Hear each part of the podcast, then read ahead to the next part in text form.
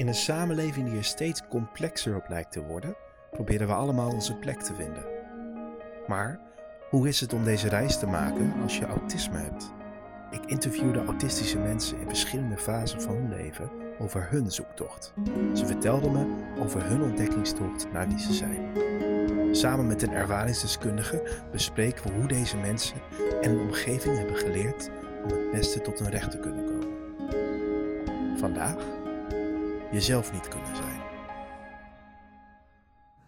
Ik zit hier in de studio met Klaske van der Weijden en Kirsten Greaves-Lord. Welkom. Hi. En Klaske, jij bent theologe. Je bent moeder van drie zoons die net als jij uh, zeer intelligent zijn en autisme-diagnose hebben. Uh, je bent meedenker in de academische werkplaats autisme. En je bent ook auteur. Ja, klopt. Ja. En ik zie hier staan dat je uh, nu op dit moment ook een boek aan het uitbrengen bent. Ja, ik ben nu bezig met een boek uh, over autisme, dus dat komt mooi uit. Het heet uh, Altijd anders dan gedacht en is uh, voortgekomen uit een blog die ik al een tijd bijhoud. Ja, dus het, is een blog wat je hebt geschreven en daar maak je nu dit boek uit op. Ja, het um, is voortgekomen uit mijn gevoel dat er over autisme vanuit autisme zelf uh, nog niet voldoende teksten bestaan. Uh, hoe, hm. hoe, hoe, denk je nou vanuit autisme? Uh, dus mijn blog die gaat twee kanten op. Aan de ene kant schrijf ik over mijn eigen autisme. En aan de andere kant uh, schrijf ik gewoon in het algemeen, maar dan vanuit een autistisch hoofd. Dus het is ook autistisch. Ja. En in het boek komen alleen maar de fragmenten over autisme. Oké. Okay. bedankt. en jij bent er vandaag bij. En verder hebben wij vandaag Kirsten Greaves-Lord. Uh, Kirsten, jij bent senior onderzoeker van het Autisme Team Noord-Nederland Jongs. Dat is onderdeel van Lentis. Daarnaast ben je universitair docent bij de Rijksuniversiteit Groningen, afdeling psychologie. En je bent programmaleider van de academische werkplaats Autisme. Maar bovenal mens. Ja, dat leek me wel handig om er ook bij te zeggen. Ja. ja. die menselijke maat is één die we belangrijk vinden om te hanteren. En ik hmm. zeg we, omdat als de academische werkplaats eigenlijk een hele groep van mensen is, een soort gemeenschap. Um, maar dat heb ik er vooral uit geleerd. Ja. Uh, dus um, nou, met veel titels uh, zwaaien doet het altijd goed in deze samenleving, maar ja. staat niet altijd voorop. Ja, nou, uh, super fijn dat jullie hier zitten vandaag. Uh, we zitten hier niet. Uh, nou, we zitten hier wel uh, voor de lol, maar ook. maar ook om iets te bespreken samen. want we gaan het hebben over autisme en jezelf zijn of niet zijn. En daar heb ik fragmenten voor meegenomen van twee mensen die ik heb geïnterviewd. Twee mensen met autisme, twee autistische mensen. Uh, en daar gaan we zo samen naar luisteren. Yes. En ben ik heel benieuwd wat jullie uh, ervan vinden. Ja, zijn jullie er klaar voor? Ja, ben heel benieuwd. Dan ga ik de eerste afspelen.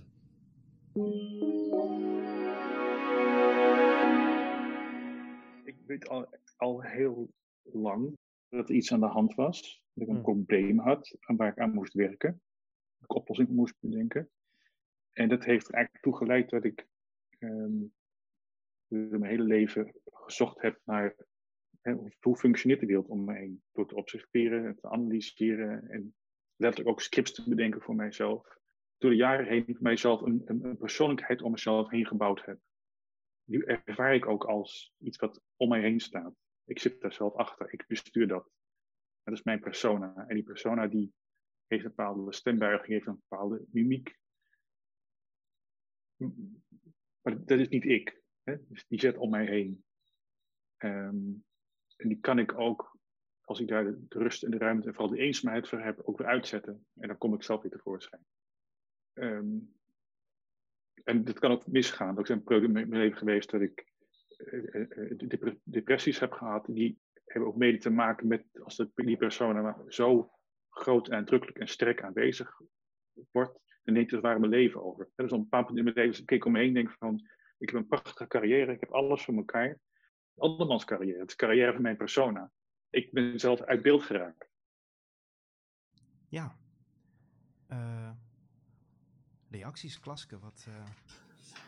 Nou, het, het, het, het, roept verschillende dingen bij mij op, uh, merk ik. Het eerste wat naar boven kwam was de herinnering aan mijn kindertijd toen ik wel eens vriendinnen mee naar huis nam. En dat die dan helemaal verbijsterd waren om te zien hoe ik thuis was. Ja. Want ik was op school gewoon de brave leerling, deed goed mee met alles en nou, ik viel eigenlijk niet op. En uh, als ik dan thuis was, dan was ik ineens uh, heel uitbundig en uh, aanwezig. En nou ja, een totaal andere persoon leek het. Hm. Ik mijzelf in beide gevallen als mezelf beschouwde. alleen de meer ingetogen versie, ja, die, die was gewoon in de wereld meestal beter geaccepteerd. Dus dat had ik me aangeleerd om te gaan doen. En pas veel later in mijn leven ben ik gaan ontdekken dat dat ook een soort van buitenkantversie is. Buitenkantversie. Dat ik hem ook zeg maar echt neerzet. Wat, wat ik in dit fragment ook een beetje hoor. Dat ik echt probeer mee te doen in hoe de wereld verwacht dat je bent. En um, eigenlijk helemaal niet meer keek naar vind ik dit fijn, maar puur naar uh, hoe komt dit over en hoe vinden anderen het fijn. En hoe kan ik zo zijn dat ik niet negatief opval in de buurt van anderen. Dus deze man die gebruikt het woord persoon en jij gebruikt het woord buitenkantversie. En je zegt, je, je kent je erin. Uh, dat was de manier waarop het geoorloofd was. Ja, dan, dan mocht je meedoen in de wereld. En dan, uh, ja, dan hoorde je erbij. En uh, het gevoel van erbij horen, eigenlijk heb ik dat nooit echt gekregen. Behalve in de situaties waarin ik uh, dat hele stuk liet vallen. Ja. Dat is dus het, het, het, tegenstrijdige, waar ik ook pas heel laat in mijn leven achter kwam. Ik, ehm, ik herken inderdaad in het verhaal van Klaske iets moois, maar ook bij deze meneer. En daarom vond ik het ook zo belangrijk om deze podcast samen te maken, omdat je naast de inhoud van wat iemand zegt ook de toon waarop iemand dat vertelt. En als ik dat laat binnenkomen, dan zit er ook een hoop ehm, ja, eenzaamheid en uh, er wel graag bij willen horen en daarom iets neerzetten in de hoop geaccepteerd te worden, maar dat dat, dat dan eigenlijk ook een soort alienation, hè? sorry voor het woord, maar ja, het vervreemding uh, in kan plaatsvinden. Daarom vind ik het zo mooi wat je zegt, Bas, toen je dat weer losliet. En uh, ja, je kwetsbaar op durfde te stellen, of eigenlijk wel moest, nou, omdat je niet anders kon. Dat ja, dat laatste. Want dat kwetsbaar opstellen, dat zeggen mensen vaak tegen me. Van, uh, ja, maar je mag je best kwetsbaar opstellen. Ja. dat is helemaal geen keuze bij mij. ik weet hoe ik dat moet doen, bewust. Ja. Het overkomt me soms dat ik ineens heel kwetsbaar ben. Ja. Uh, maar dat vind ik ook zeer ongemakkelijk, want dan ben ik de controle kwijt. Dan is voor mij het juist Precies. heel onveilig geworden. Precies, dus het is ook ergens heel begrijpelijk dat je zoiets aanzet om je veiliger te voelen. Precies, het heeft met veiligheid te maken. En daar is op zich ook niet zoveel mis mee. Maar wat deze meneer ook beschrijft, is dat hij op een gegeven moment steeds verder van zichzelf verwijderd raakte. Uh, ben je dan nog jezelf in zo'n situatie? In hoeverre ben je dan nog jezelf? Nou, je bent in zekere zin wel jezelf, maar je bent er niet meer actief bij. Het is een soort van hmm. dissociatie waar je in terecht komt. Dat je, um, uh, ja, je, je, je uh, doorleeft niet meer wat je op dat moment aan het ervaren bent. Dus je kunt heel goed zijn in iets en tegelijkertijd uh, helemaal niet meer daar zelf bij horen. En, en dat, dat gevoel van twee personen, dat, dat, ja, dat gaat op een gegeven moment je opbreken. Dat kun je natuurlijk niet mee je hele leven doorgaan. Het gevoel van twee personen. Ik ben zo blij dat je dit zo duidelijk uitlegt, omdat ik ook, en we hebben het daar vaker over gehad, uh, toen ik voor het eerst over dit verschijnsel hoorde, moet ik zeggen dat ik ook een beetje sceptisch was omdat ik vanuit mijn ervaring dacht, ja, ik vertoon ook sociaal wenselijk gedrag. Ik, ik doe ook wat bij mijn rol verwacht wordt en dat kost mij soms ook energie. Dus what's the problem? Maar het gaat natuurlijk om uh, hè, wat ik al ondertussen begrepen heb, uh, en, correct me if I'm wrong, um, sorry voor het vele Engels, uh, is dat um, het natuurlijk gaat om de mate waarin je dat doet. Dus hoe enorm uh, veel je je aanpast, of dat je ook nog wel wat elementjes van jezelf erin gooit. Ik denk dat het nog wezenlijker is, is of je daar een keuze in maakt. Uh, jij kunt oh, kiezen om je aan te passen en het weer uit te zetten. Uh, maar bij mij overkomt het me op een gegeven moment. Heb ik niet eens in de gaten het je, aan het doen Het neemt je over. Ja, het neemt je als het ware over inderdaad. En daarom zeg ik ook, het lijkt net of het twee personen zijn. Eh, de, de, de, professionele kant, de buitenkant, de, de versie die iedereen mag zien en de versie die ik echt ben. Ja, en, en dat, die, die, die, wat jij dus ook noemt, die dissociatie. En dat vind ik ook uh, het, het, het, het, tragisch eigenlijk van het verhaal van deze meneer. Dat hij, hij had dus een hele mooie carrière opgebouwd. Ja. En eigenlijk zou je dan objectief gezien, nou mooi hè, goed inkomen enzovoort, geslaagd in de samenleving. Maar hij voelt zich verdrietiger en, en eenzamer dan ooit. Ja. Wat, uh, wat mij uh, in, in de uh, teksten die ik heel veel tegenkom van mensen die in de problemen geraakt zijn ergens in hun leven steeds weer opvalt, is dat, ehm, eh, wat je in de literatuur ook terugvindt, eh, dat mensen met autisme ergens tussen de 40 en de 60 vaak vastlopen in hmm. hun werkzame bestaan. Oh. En uh, dat heeft er denk ik precies mee te maken dat we ons dan te lang uh, hebben aangepast aan de wereld om ons heen. En de een heeft spankracht tot pakweg zijn veertigste en de ander die is wat langer met die spankracht en die kan tot 50, 60 door. Maar ergens in die periode uh, kom je jezelf ineens tegen van dit heeft me gewoon veel te veel gekost. En uh, als het je te veel gekost heeft, ja, dan, dan houdt het lichaam daar een keer mee op. Dus dan schiet je in een depressie, in een burn-out, in nou ja, allemaal van dat soort dingen. Overwerkt, overspannen. Eh, en, en heel veel mensen zijn dus in die leeftijdsfase uh, dat ze ook uh, hun baan kwijtraken zelfs of arbeidsongeschikt raken. Dat is mij ook overkomen. Ja. Ben jij dan ook wel jezelf daar wel eens in kwijtgeraakt? Jazeker. Dat is een hele ingewikkelde periode geweest, omdat mijn hele bestaan ook afhing van die baan. Mhm. Ik bedoel, als je predikant bent, dan ja, dan, dan heb je een, een, positie in de maatschappij uh, en uh, vanuit die positie heb je sociale contacten. Op het moment dat je hele positie wegvalt, valt eigenlijk het sociale leven weg. Uh, ja, wie ben je dan nog überhaupt? Ja. Ik kan me zo goed voorstellen dat als je dat kwijtraakt, dat je dan echt weer opnieuw eigenlijk moet nadenken van wie ben ik dan los van die rol. Ja, dat, dat, dat was een heel ingewikkeld proces. Daar zit ik eigenlijk nog steeds in. Ja.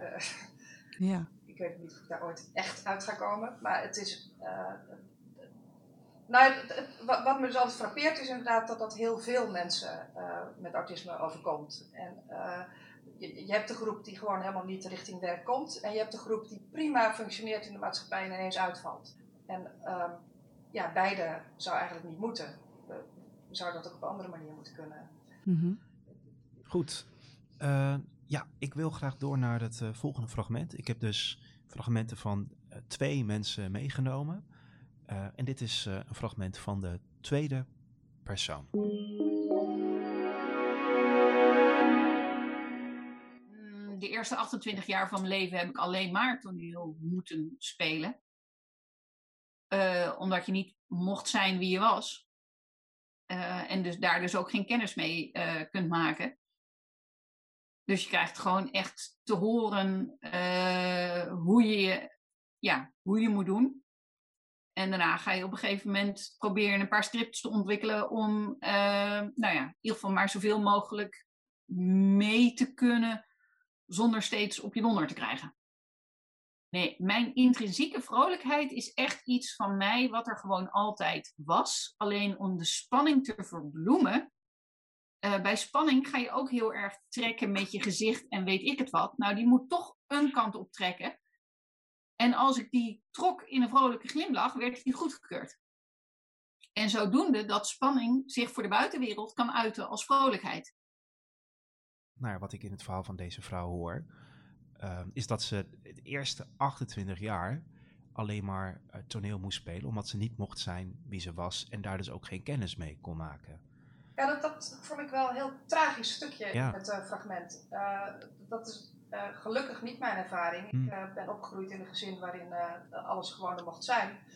Um, ik heb daarin ook wel af en toe toneel moeten spelen, maar ik had niet het gevoel dat het moest. Het nee. was meer uit zelfbehoud vanuit mezelf. En, zelfbehoud. dat ik merkte van, ja, ik, ik, moet nu maar even me terugtrekken of iets anders gaan doen. Want de situatie in het gezin is even te hectisch. Ik had jongere broers en een zusje. Ah ja. Dus, ja. Ik denk ook dat wij, ik merk dat het bij mij ook oproept de vraag van wat voor omstandigheden groeide zij dan in op? Hoe is er op haar gereageerd dat zij, uh, ja, het, het, ze mocht zichzelf niet zijn? Is dat, hè, hebben mensen afstraffende dingen gezegd? Is hm. ze afgewezen? Um, ja, dat, dat roept het allemaal aan vragen bij mij op op het moment dat ik dat hoor. Omdat maar zij zegt het eigenlijk met een soort van zelfsprekendheid, wat uh, het des te verdrietiger maakt, dat dat blijkbaar zo vaak op haar zo gereageerd is, dat het voor haar bijna uh, echt, gewoon, het is gewoon echt zo, ik, ik, ik, ik mag er niet zijn zoals ik ben. Ja. Dan, dan is dat wel herhaaldelijk gebeurd, hè? Ja. Is mijn verwachting, maar nou ja, daarvoor weten we nu te weinig van de context uh, af. Ja, maar ja, dit is wel iemand die uh, het heel eigen gemaakt heeft. Van ik ben, ben altijd mhm. vrolijk. En dat is voor mij een manier geworden om, om daarmee om te gaan. Met, met, met, met, dat masker, dat draag ik met, met vrolijkheid eigenlijk.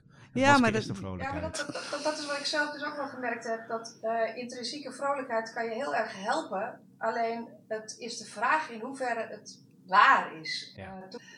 ik zeg altijd, mijn gezicht doet maar wat. En uh, ik heb daar ook geen echte controle over.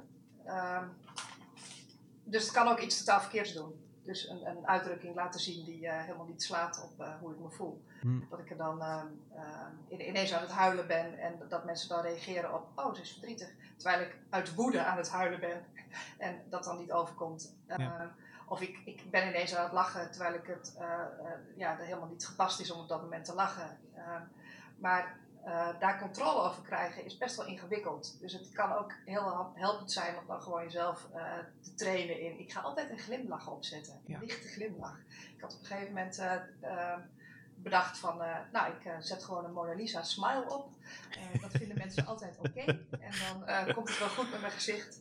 Totdat ik me helemaal niet zo goed voelde en dacht, hmm, het is niet zo gek dat mensen niet ingaan op hoe ik me voel, want ze zien altijd die glimlach. Daar ja. ze mee ophouden. Ja maar daardoor is het voor mij de controle dus weer een beetje verdwenen. Omdat, uh, nou ja, ja, een glimlach is duidelijk. En uh, al het andere is voor mij dan, uh, ja, geen idee wat er nou gebeurt. Dus je zegt eigenlijk, mijn gezicht die, die doet altijd maar wat. En er kunnen soms reacties zijn die voor mensen, waar mensen van denken, oh, waar komt dit vandaan?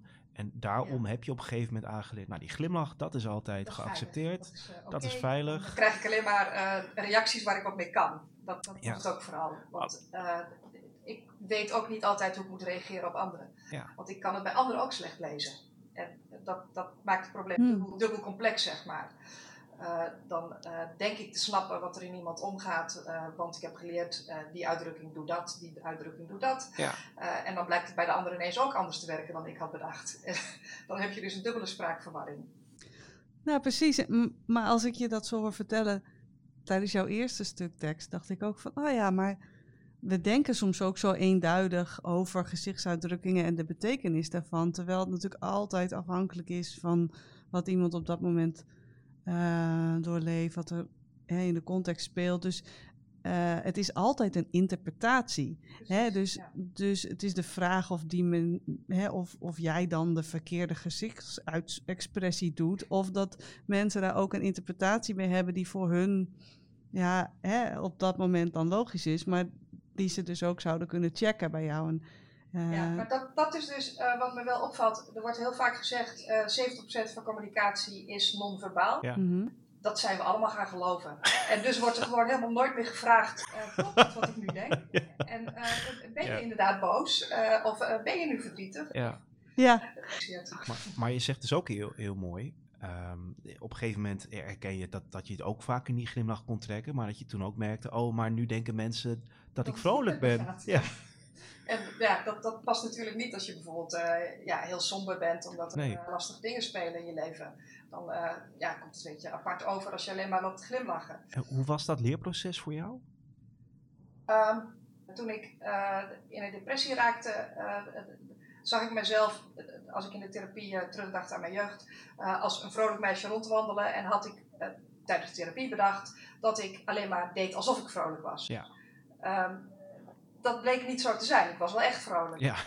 ja. en, maar je kunt jezelf dus ook heel erg uh, in de war brengen met, met dat soort dingen. Dat je mm -hmm. niet goed weet wat je echt voelt. Dus als je, precies, als je het soms als masker gaat dragen, wanneer is het dan een masker en wanneer, is het dan eigen? Ja. En, en wat, er weer terug, wat ik dan weer terug zie komen, is dus die vervreemding. Ja. ja.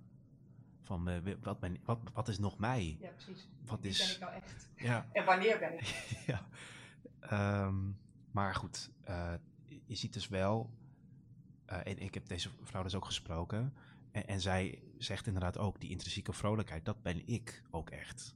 Ja, ja gelukkig ja. maar dat je dus nog wel in jezelf die intrinsieke blijheid nog kan vinden. Ja, hè? Want als precies. die helemaal weg is, is dat natuurlijk heel erg. Maar het, uh, hier gaat het natuurlijk over van, uh, je, je hebt jezelf misschien aangeleerd dat aan te wakkeren omdat je merkt dat mensen daar goed op reageren. Ja. En dat merk ik ook. Als ik blij en enthousiast doe, ja, dat zijn ook. mensen ook blij en enthousiast. Een glimlach wordt altijd geaccepteerd, maar spanning, Precies. dan denken mensen, oh help. Ja. Wat, ja. Uh, ja. Maar dan kan je dus in de valkuil stappen dat je uh, dus maar elke keer, mijn man zegt dat altijd sceptisch, een beetje een blij ei gaat doen. hè? Om, om maar omdat mensen daar uh, leuk op reageren. Ja. Nou, het gaat erom dat, er dat de negatievere, uh, verdrietige, soms chagrijnige of hele boze kant er ook af en toe moet mogen zijn. Ja. Wat ik uit jouw verhaal hoor en nou, wat ik ook wat terugzie in, in, in het verhaal van deze vrouw, is het idee dat het gezicht, dat gaat ook een beetje, doet ook een beetje wat het wil. Uh, en spanning kan zich ook op, op andere manieren uiten. Dus ik zie ook een, een thema over lichaamsbewustzijn, zie ik daarin. En daar heeft deze vrouw ook nog een interessant uh, verhaal over verteld. En die heb ik ook meegenomen. Dus die wil ik nu graag afspelen.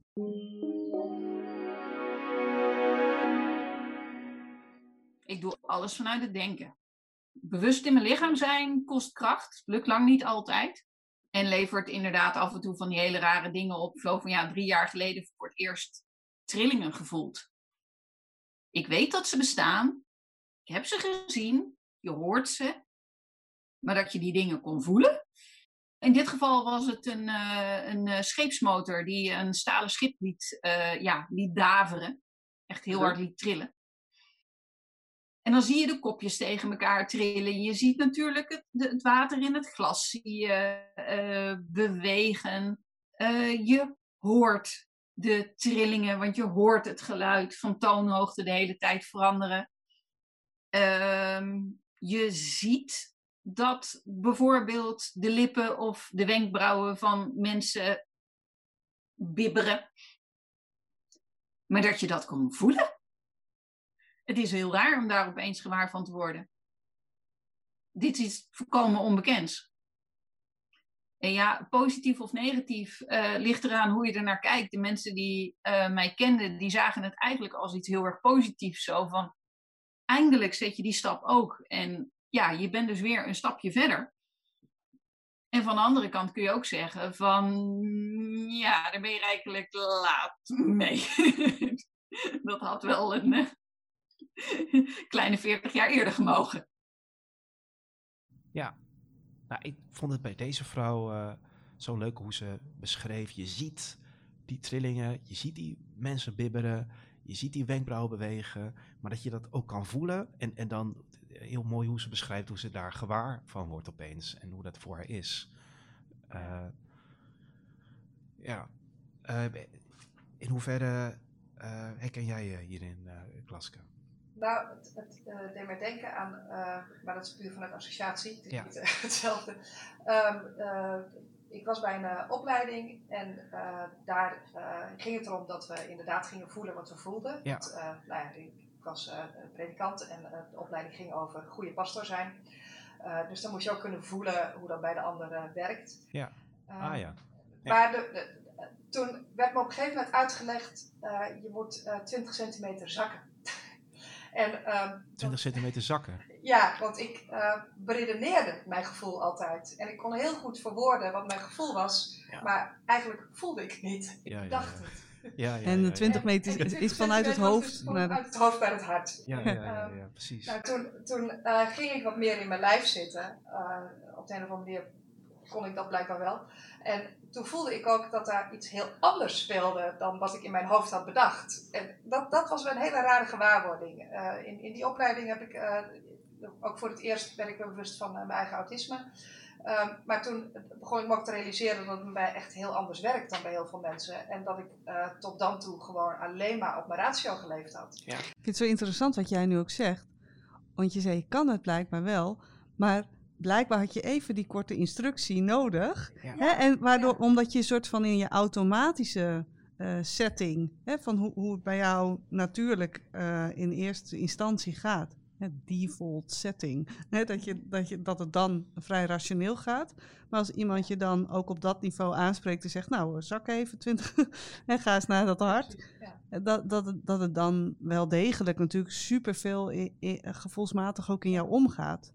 En, en deze vrouw zegt, uh, ja, ergens kun je ook zeggen, je bent daar rijkelijk te laat mee. Dat had 40 jaar eerder uh, gemogen. Um, wat, wat levert het jou op? Um, ik denk dat ik er uiteindelijk wel een betere moeder door geworden ben. Ja. Want uh, ik kan mijn kinderen nu wel uh, in hun echte emoties begeleiden. En uh, ja. niet meer klakkeloos aannemen wat ze zeggen. Maar ook eens even een stapje dieper zakken met ze. En proberen uit te vinden wat ze nou echt voelen. Ja, en ik, ik, heb ook een hele interessante recente ervaring. Um, ik ben nu twee keer meegeweest naar een lesbijeenkomst van hofdansen. Ik wist eerst helemaal niet wat het was. Wat, ja, ik weet niet wat dat Wat is dat? Nou, dat is, uh, dat is uh, dansen in de stijl van wat ze aan het hof deden in de middeleeuwen. Ah, uh, ja. um, en je danst dus in een groep. En, is dat stijldans? Is dat... figuren. Ja. nou, het is verwant aan stijldansen, maar je danst niet in paren per se. Je danst Ah. echt als Een paar eeuwtjes eerder. Een paar eeuwtjes Ja, daarvoor nog. nog wat ouder. Maar in ieder geval, um, ik uh, was daar natuurlijk als totale leek. En ik heb ook niet extreem veel danservaring. Nee. Uh, maar ik had bedacht, nou ja, ik hoef het allemaal niet te snappen. Ik hoef het alleen maar te doen. En we zien wel hoe ver ik kom. Ja. Ik blijk dat dus extreem goed te kunnen. Oh, Dus tot mijn eigen verbazing is mijn lichaam uh, best wel heel uh, nou ja, oppakkend van allerlei dingen. Ja. maar ik heb dat, dat nooit gezien als, als, als, als bron van informatie, zeg maar. Hm. Mijn, Nee. mijn denken was een bron van informatie. Maar dat mijn lichaam ook iets kan, dat is echt een hele nieuwe ervaring. ja, En dat je lichaam je dus ook dingen vertelt. Ja, ja, precies. Dat het dus ook andersom kan werken. En dat, dat, daar begin ik me pas de, de, de laatste maanden echt bewust van te worden. ja. Dus wat, wat deze vrouw ook zegt, je doet alles vanuit het denken. En, en, en dan eh, zeg jij, en dan zak je 20 centimeter. En ontdek je, hé, hey, Er is nog een hele wereld. Het is toch een hele andere wereld aan, Ja. aan informatie. En dat kan dus leiden tot, tot hele bijzondere gewaarwordingen. Zoals, oh, Ja. wauw, blijkbaar kan ik fantastisch hofdansen. Dat had ik nooit, dat had ik nooit verwacht. Hey, en heb je ook genoten van het dansen? Absoluut. Ja. ja. Want dat, dat is nog een, eh, een soort wetenschappelijk dingetje wat ik hier dan nog over zou willen zeggen. Is, we hadden het net al over die copingstijlen en het omgaan. Ehm, dingen analyseren en redeneren en ze dus ook een beetje weghalen van het gevoel, kan natuurlijk ook maken dat ze eh, gevoelsmatig je, je minder eh, pijn doen op het moment dat het vervelende dingen zijn. En dat, dus het, dat noemen ze dan met een moeilijk woord experientiële vermijding. Hm. Dus dat we ook erg, hè, wat ze soms zeggen, in het hoofd gaan zitten. Ook zo'n uitdrukking die ik heel lang letterlijk nam en dacht, wat bedoel je hiermee? Net als dus die 20 centimeter zakken, dat je denkt, wacht daarvoor, waar dan? Hè, dus als je dat soort dingen letterlijk neemt, Ja. is het ook wel moeilijk om te begrijpen. Maar het gaat dus volgens mij over het eh, heel analytisch. En waar juist mensen met autisme ook soms heel goed in zijn, zeker als ze slim zijn. En dus dan is dat ook hun, hun sterke kant waar ze eh, graag in gaan zitten, omdat ze dan eh, ook serieus genomen worden. Terwijl, dat en, en ik vond het dus heel vervelend dat er vaak vooroordelen zijn over autisme, alsof mensen met autisme dan dat gevoelsleven niet hebben of die empathie niet hebben. Terwijl het, Het is eerder Eh. andersom. Ik denk dat we veel te veel hebben en dat we uit veiligheidsoverwegingen dan Mhm. maar in de ratio schieten. Ja. Mhm, Om niet ten onder te gaan aan dat voelen. precies. Want ehm, als je jezelf helemaal op de ratio richt, dan kun je dus inderdaad aan de ene kant heel ver komen in het leven. Maar aan de andere kant eh, ga je juist daardoor ook heel snel vastlopen. Of tenminste op enig moment vastlopen. Ja. Eh, want eh, je lichaam eh, heeft ook aandacht nodig. En als Ja. je dat volkomen, eh, nou ja, eigenlijk eh, negeert als eh, factor, dan, dan komt het ook niet goed. Ik, Nee. ik, ik heb sinds twee jaar een hond. En daar leer ik enorm veel van, ook op deze gebieden. Want ehm, als ik het even niet uit vind komen dat ik hem uitlaat, dan meldt hij zich wel. En dan blijft hij zich dusdanig melden dat er geen keuze meer is. Dat ik wel met hem naar buiten moet. En ehm, nou, in feite is mijn lichaam natuurlijk net zoiets. Ja. ik, ik kan zelf wel negeren dat ik eh, honger en dorst heb. Maar eh, als ik daar niks mee doe, dan gaat op een gegeven moment mijn ratio ook sputteren. Van hallo, eh, ik heb toch echt wat nodig nu, want dan Ja. komt het niet goed. Mhm. Ma- ma- Mag, mag ik vragen, wa- wanneer ben je als het ware stilgestaan bij ik moet 20 centimeter zakken of ik kan ook 20 centimeter zakken? Eh, dat, Hoe lang geleden? dat was in 2012. 2012. Ja. En zou je Ik zeggen ben dat je, nog steeds aan het trainen. ja, zou je zeggen dat je sindsdien meer ontdekt hebt wie je bent, dat je meer jezelf kan zijn? Ehm, het, is- het is in feite. Nou, ik, ik zeg wel eens. Voor mijn diagnose was mijn leven keurig op orde. En door mijn diagnose is alles op losse schroeven gezet. En Ja. eh, leef ik nu in een steeds grotere puinzooi.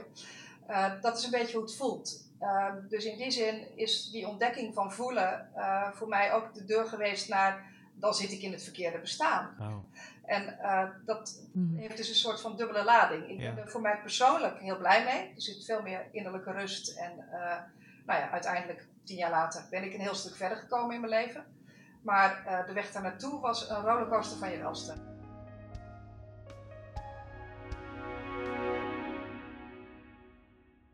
Um, ja, dan wil ik verder met uh, het volgende onderwerp. Oh, ik bedenk me trouwens dat ik überhaupt niet het, uh, het eerste onderwerp echt uh, als los heb geïntroduceerd. Komt wel. Ja, dat... Maakt, niet zo, maakt er niet zoveel uit, volgens mij. Nee, we gingen gewoon luisteren, toch? Precies. Ja. Um, de eerste drie fragmenten gingen dus heel erg over jezelf zijn en jezelf niet zijn. Wat dat betekent, hoe je dat ervaart. ik heb voor de tweede serie fragmenten, dus de volgende drie fragmenten, uh, fragmenten van deze twee mensen die heel erg gaan over wat je nodig hebt om jezelf te zijn. Uh, dus daar gaan de volgende drie fragmenten over.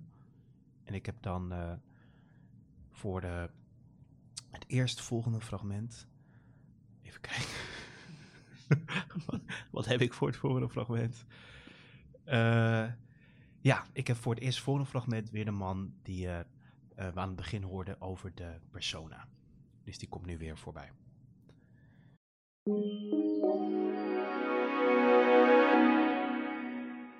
Ik gebruik wel eens een, een, metafoor van. Uh, er komt, ik ben bepaald geen, uh, geen Star Trek fan, maar er is in Star Trek een scène waarin Darth Vader in een soort bol zit. Je ziet, die bol is dicht, een raampje zie je alleen maar zijn achterkant van zijn hoofd dan komt er iemand aanlopen en die, die spreekt hem aan. Is het even is het stil. En dan zie je heel langzaam die helm aan een soort, een soort stang omlaag komen. Die zakt over zijn hoofd. En dan gaat die bol langzaam gaat open. Ja? En dan komt hij eruit. Ik wil ook zo'n bol. Ik wil ook een plek waar ik kan zitten en waar dat, dat harnas uit kan. Die wil ik voor mijzelf kunnen maken het is een plek in ieder geval waar, verder niemand komt. ik heb eenzaamheid tegen mijn positieve connotatie. Um, want dan hoef ik niet, kan, heb ik al, al dat gereedschap niet nodig. Um, en de plek waar ik, gepakt, waar ik mijn eigen fascinatie kan volgen. Ja. Dus een, uh, een bol die langzaam open gaat en waar het harnas even uit kan. Ja, dat is wel een mooi beeld. Ja, mooie metafoor.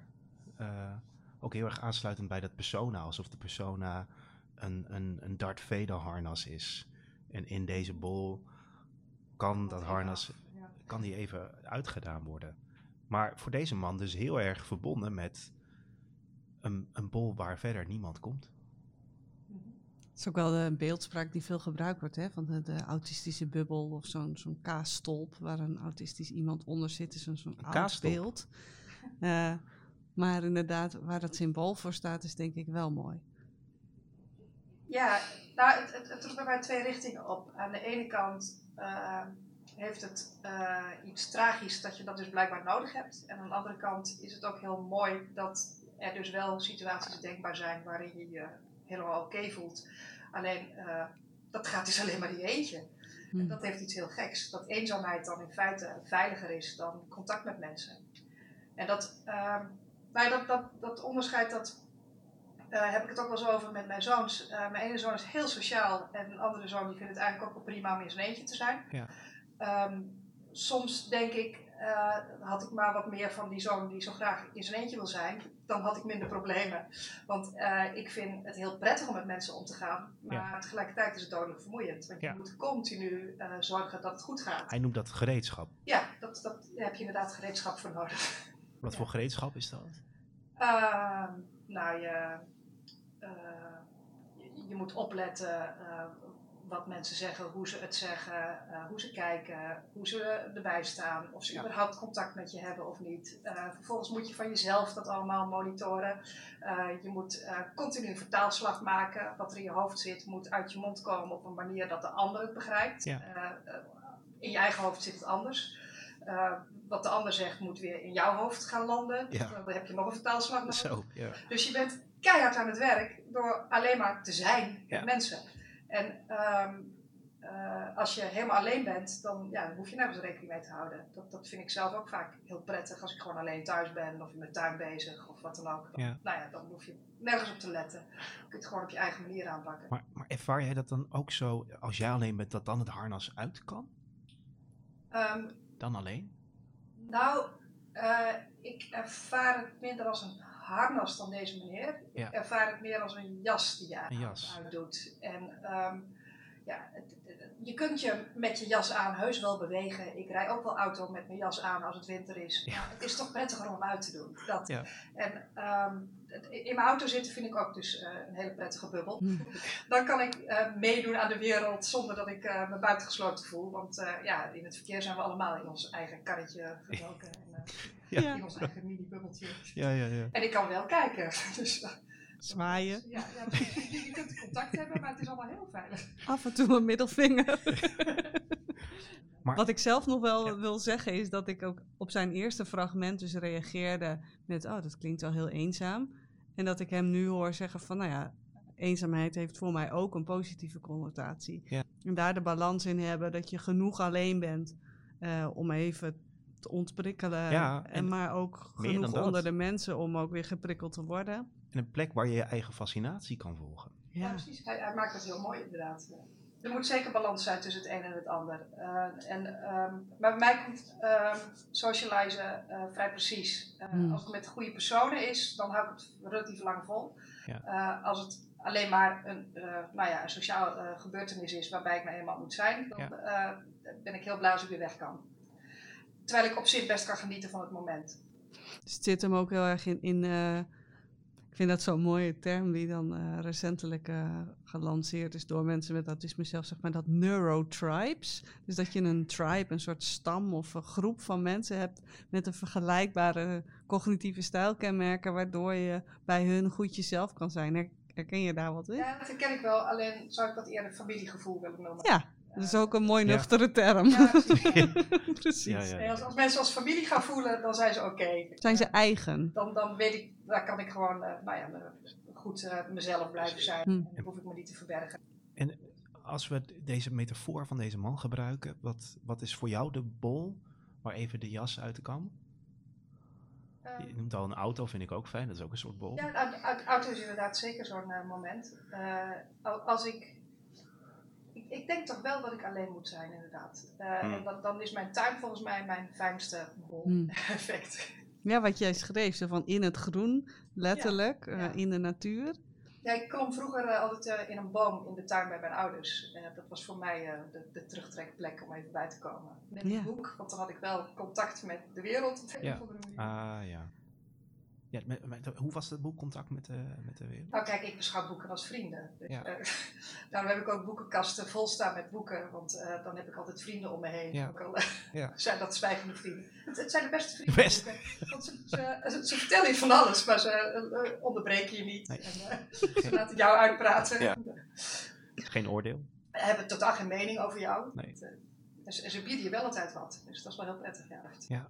Iets, iets anders wat ik nog wil noemen, is dat deze man het er ook over had dat het voor hem belangrijk is dat hij zo'n moment wel eens in de zoveel tijd heeft. En dan niet één keer in het jaar, ja. maar echt wel een, een, keer in de week het liefst. Ja, uh, ja, daar, ja. Je, je, knikt. Nou ja, uh, het, het, was niet voor niks dat ik het ritme van uh, zondag is zondag een prettig ritme vond. We leven nu heel erg in de 24 uur maatschappij, alles kan altijd. dat, dat vind ik echt enorm wennen. Ik, ik vond de, de periode van corona in die zin ook een verademing. Eindelijk was er heel veel tijd voor gewoon jezelf zijn. Ja, en dat, en dat jezelf zijn is dan eens even, tot, is dat dan tot rust komen in de tuin? Ja, op, op, op, je eigen manier je eigen dingen doen en dat, dat niemand je erin stoort. Ja. Vooral. En waarom is dat zo belangrijk? Um, ik denk dat dat uiteindelijk ook opladen is. Hmm. Um, waar voor een ander het voldoende is misschien om uh, goede nachtrust te hebben, ja. heb ik overdag ook dat soort momenten af en toe nodig. Ja, dus het is niet, niet alleen een, een, een plek waar even gereedschap niet nodig is en waar je de jas uit kan doen, maar het is ook een ont ontlading. Ja, ja. ook dat, ja. Ja, en, en laten vallen ook. Soms uh, uh, heb je gewoon heel veel in je hoofd en dan komt het pas bij elkaar door even rustig niks te doen. Ja, het komt bij elkaar dan. Dus... Nou, in, in die zin vind ik de, de, de sportmetafoor altijd wel prettig.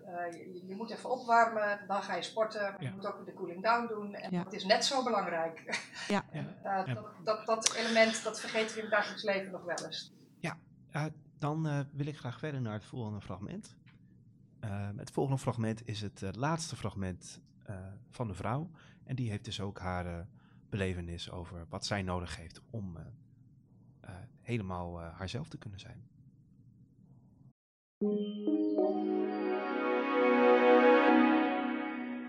Soms lukt dat eventjes en ja. Dat is dan ontzettend gaaf en tegelijkertijd gaat er dan ook acuut een alarmpje af van oh oeps, dit mag niet. Dat zit er zo in soms tijdens het spelen. Uh, S'nachts in mijn bed.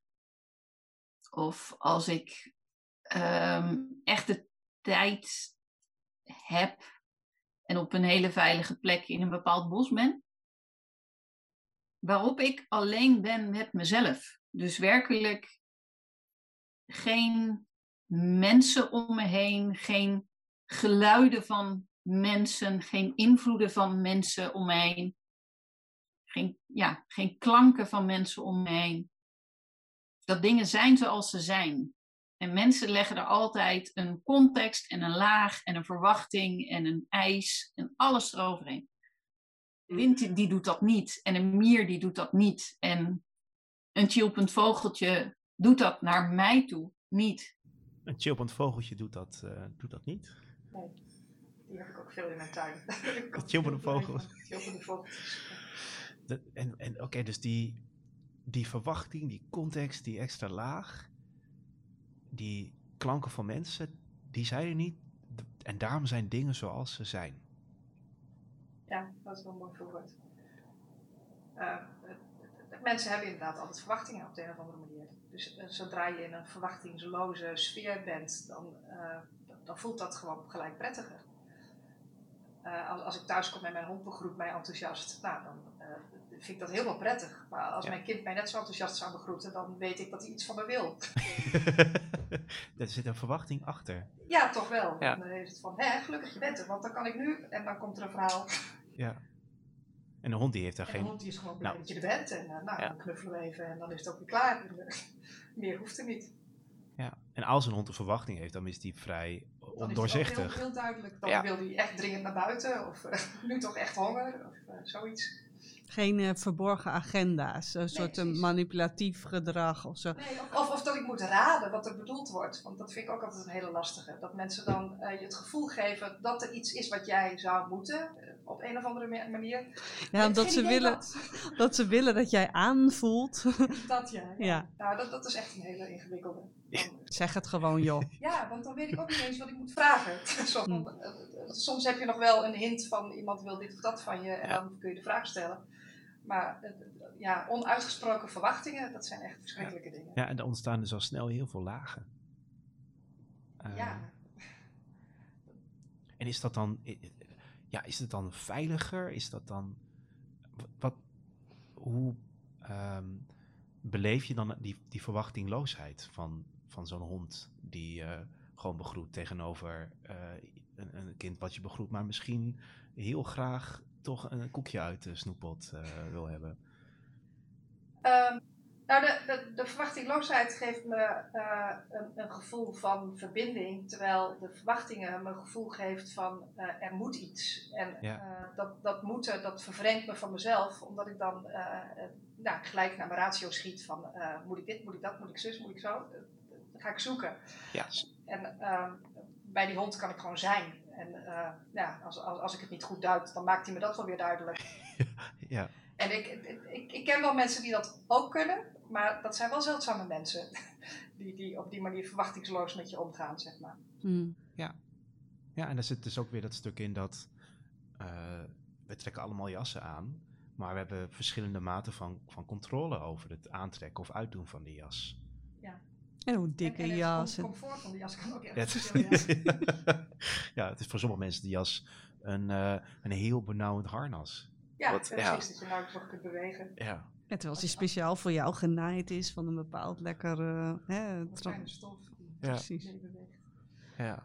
Nou ja, maar dat is wel een leuke metafoor die we nu maken. Dat je je eigen omgeving, dus als het ware ook probeert, ja, voor zover je daar controle over kan hebben, zo in te richten dat er waarschijnlijker een iets comfortabele reactie gaat komen. Hè? Dus dat waar we het net over hadden, uh, dat je mensen om je heen uh, verzamelt, zover als dat kan. Hè? Maar wel de, de, de, vriendschappen aangaat met de mensen waarbij je zoveel mogelijk het gevoel hebt dat je iets van jezelf daarbij kwijt kan. Um, dat je een werkomgeving nou, hebt waar... Dat je uh, iets van jezelf terugvindt bij die ander. Hmm. Oh. Want uh, je, je, zegt uh, dat je daar kwijt kan. ja. dat is denk ik juist mijn probleem. Ik raak het kwijt. Oh ja, ja dat kwijt. zeg je mooi. Ik, ja. ja. Nee, ik, bij mij is het inderdaad van... ik, ik voel me thuis bij mensen waar ik het gevoel heb van... Jij roept iets in me op wat ik eigenlijk verloren had. En, en je brengt het me weer terug. Ik ja. voel me weer dichter bij mezelf hmm. doordat ik bij jou ben. Dat, dat effect. Mooi. Dat, dat is voor mij meer uh, waar vriendschap waarde heeft. Ja. En voor werkomgeving dan? Hè? Want daar, daar ben je nu nog weer wat zoekend in. Van ik wil wel eigenlijk weer een soort maatschappelijke rol, maar wel een die ja, past. Daar, daar, zou het voor mij uh, van belang zijn dat er uh, toch wel iets van betekenis is. Dat ja. ik van, van toegevoegde waarde ben in het plaatje. Dat, dat ja. zeg maar, als ik er niet ben, het opvalt. En als ik er wel ben, het in positieve zin opvalt. Van, hé, hey, hier hebben we wat aan. Ja, dus die betekenisgeving en die zingeving, wat je natuurlijk eigenlijk in je rol als predikant, dat je denk ik een hele waardevolle rol in zo'n gemeenschap. Ja, ja. Dus dat je, dat je een bijdrage levert die aansluit bij je competenties.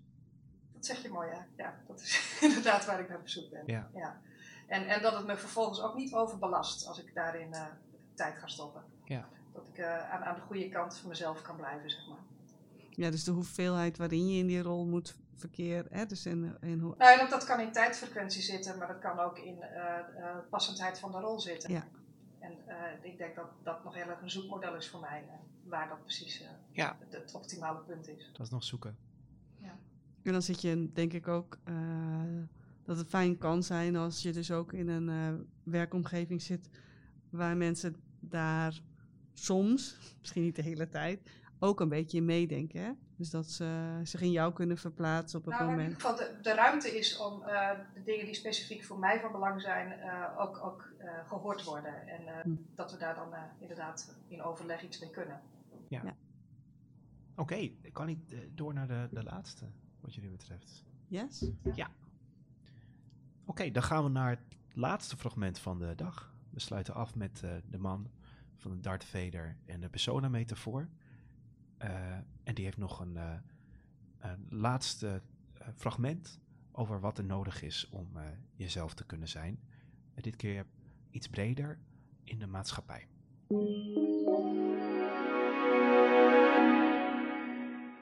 Het is moeilijk, het is pijnlijk. Het is pijnlijk als je merkt dat mensen je een beetje als met een gebrek behandelen. En um, je wil gezien worden als wat je bent eigenlijk zouden, zou, zou iedereen die niet autistisch is, elke enteren dezelfde soort proces moet doormaken als ik heb doorgemaakt of andere autisten om mij heen. En die in een vreemde wereld geworpen moeten zoeken naar en hoe ga je hiermee om? Zonder voorbeelden om je heen. Het is alsof ik een heremietkreeft ben zonder mijn, uh, mijn schelp. Alles komt binnen. Maar ja, waarom, mensen hebben geen motivatie om, om, om, dat te doen. Want ze zijn met de verrechte meerderheid en kunnen gewoon naar elkaar kijken. En gelukkig maar misschien. Dat, dat dat niet hoeft. Dat, dat we een wereld hebben waarin merendeel van de mens ergens dat ooit in elkaar grijpt. En dus dan is het nog moeilijk genoeg om te leven. Ik denk niet dat het fundament mogelijk is voor een, wie het niet zelf heeft, te, te, weten wat het is om zo te zijn. En dus die, Nee. Je kunt naar elkaar rijken. Dat is al, het mooiste denk ik is als je gewoon er zo, hè, dat een cliché, zo bewustwording is. Ja. Dus het, het, mooiste is als er een soort bewustwording is. En, en gelukkig dat de wereld in elkaar uh, grijpt. Is wat hij, uh, wat hij zegt. Ja, ik uh, moet een beetje denken uh, aan dat lied uh, Englishman in New York. Het, het, je, je I'm an alien. I'm ja, an precies, alien. Ja, ja. I'm je, an alien. Je, je bent op de een of andere manier net zoals iedereen. Er is niks zichtbaar aan je. Je praat net zoals iedereen. En toch is het anders. En dat, dat stukje uh, geeft dan soms het gevoel van niet aansluiting hebben. Terwijl de rest van de wereld niet eens doorheeft dat jij niet aangesloten bent. Want je ziet er wel uit alsof je meedoet. En, en je, je, ja, je gedraagt je ook wel alsof je meedoet. De, de maar van binnen gebeurt er iets heel anders. De hermiet kreeg zonder schelp. Alleen het lijkt wel alsof die schelp... Uh, het is niet zichtbaar. Ja, precies. Voor de buitenwereld. Ja, het is een onzichtbare handicap. Ja, en toch zie ik daar wel een soort... Uh, twee, tweezijdigheid in. Want aan de andere kant uh, zegt hij ook: het is, het is pijnlijk als mensen je als, als gek behandelen en je wil gezien worden als wat je bent. Uh, ja. Dus dan is het best wel een. Ja, ik, ik, ik, ja, ik, ik vind dat moeilijk. want er is, de, aan de ene kant is die handicap is onzichtbaar. Mm -hmm. En is het denk ik fijn als mensen je niet als een handicap behandelen. Maar aan de andere kant is het ook fijn als mensen soms kunnen zien hoe, hoe dingen je moeite ja. kosten. Nou, die, die dubbelheid worstel ik ook uh, continu mee inderdaad. Van, ja. uh, je wil niet de aandacht op je vestigen omdat je dat probleem hebt. Ja. Terwijl tegelijkertijd uh, op het moment dat het een probleem vormt ja. in je eigen functioneren, is het wel prettig als mensen er rekening mee houden. Ja, maar, zo, in zoverre als dat het gezien worden is als wat je bent, misschien.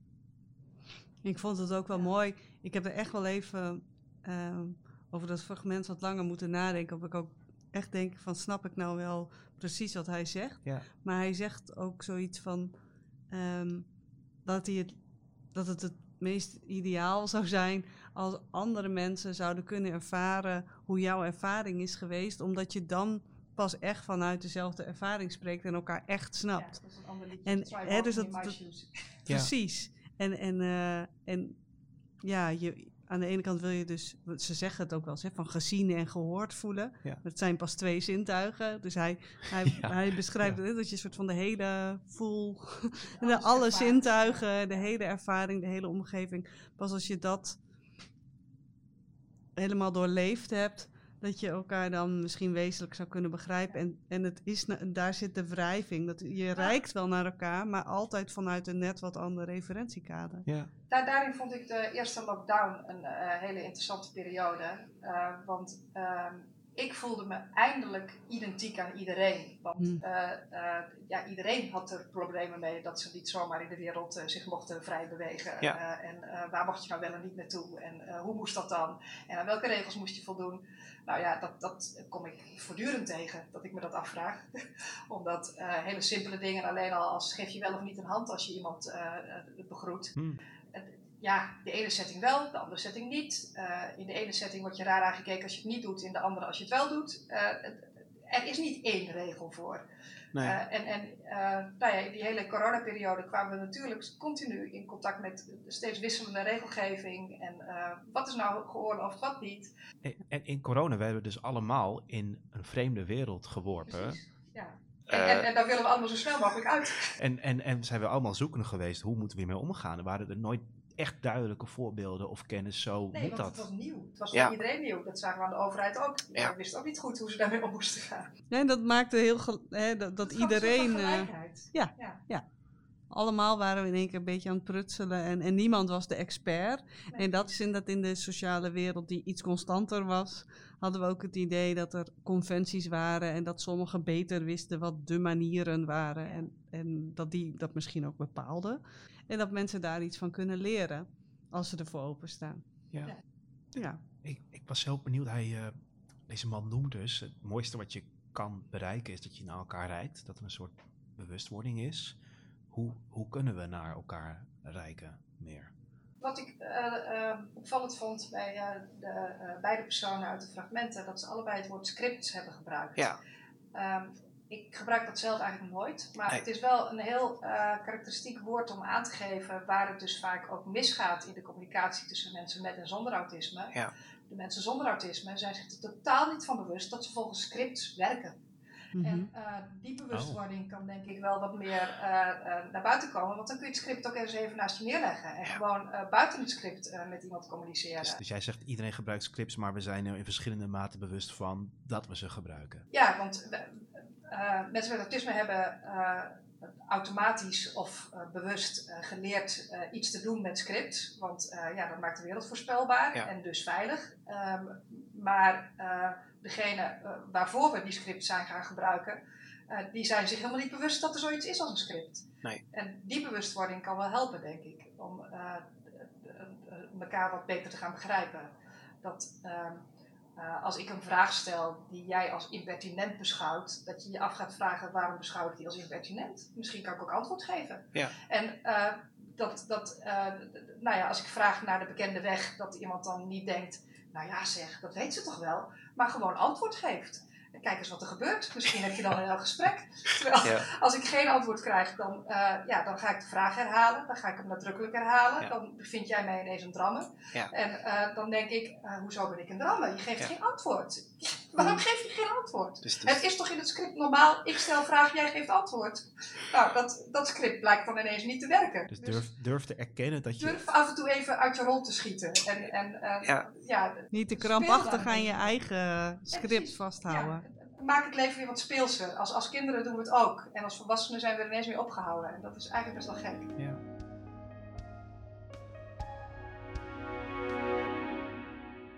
Ik wil door naar de, de takeaway. Ja.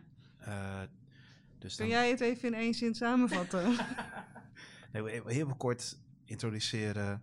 Uh, aan het eind van de, de podcast doen we altijd een takeaway. Dus wat, wat neem je mee van de dag? Wat heeft indruk gemaakt? op je, uh, of wat ja, neem je mee naar huis eigenlijk. En uh, of ik dat kan samenvatten. Ja, ik maak het grapje, omdat ik dat dan zelf... We hebben zo'n interessant gesprek met elkaar gehad en allerlei paadjes bewandeld. Ja. Dus ik dan denk, oh, daar moeten we een soort van in één kernzin dat samenvatten.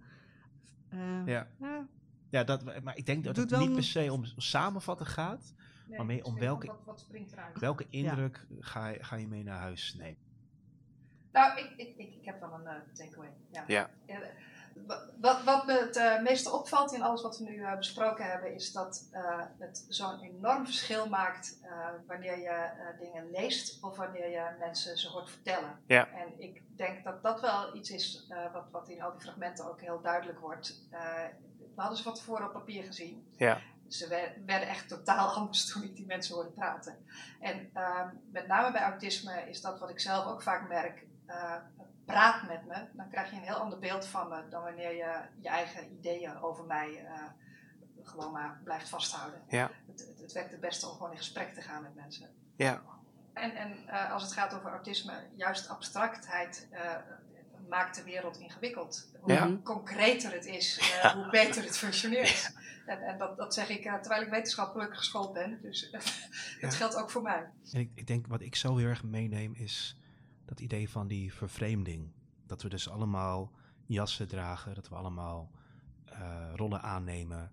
Um, alleen dat um, ja, we, niet, we niet allemaal daarin afstand van onszelf uh, ervaren.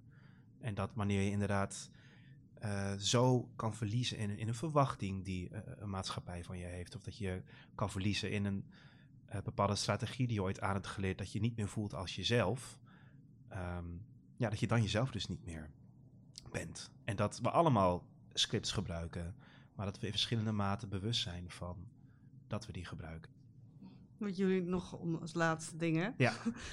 uh, jij zei net iets over abstract versus concreet. En jij zegt het, het, bij jezelf komen. Ja. Ik denk dat daar dat stuk over lichaamsbewustzijn, hè, want het, ja, bij jezelf komen, hoe dan? Ja. Hè? En, en als je dan denkt, oh, dat moet ik tastbaar maken. Oh, ik, heb een, hey, ik ben eigenlijk iemand met een lichaam. Ik, ik zit wel in mijn gedachtenwereld. Maar hey, uh, dat je jezelf letterlijk ook weer aanraakt. En, en, en, en, en, en, je zintuigen. En dat je op die manier eigenlijk uh, weer voelt.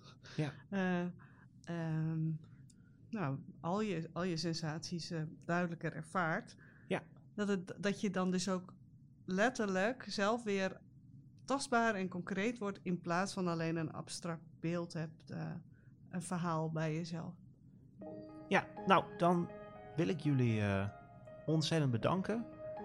Ehm, dat was het, het einde van, van deze podcast. Kirsten en ik zijn er iedere keer bij. Plaske, jij was de gast. heel erg bedankt voor je, voor je ervaring, je openheid. Ja, heel erg bedankt. Ja, ik heb heel erg genoten van het gesprek vandaag. En ja. Jij ook bedankt, Benjamin, ja. voor het reguleren. ja, ik heb niet zoveel doen hoor. Het, het gesprek kwam heel erg gewoon op gang. Dit onderzoek werd financieel mede mogelijk gemaakt door ZonneB en werd uitgevoerd als onderdeel van de academische werkplaats autisme. Meer weten? Ga dan naar autisme.nl/academische.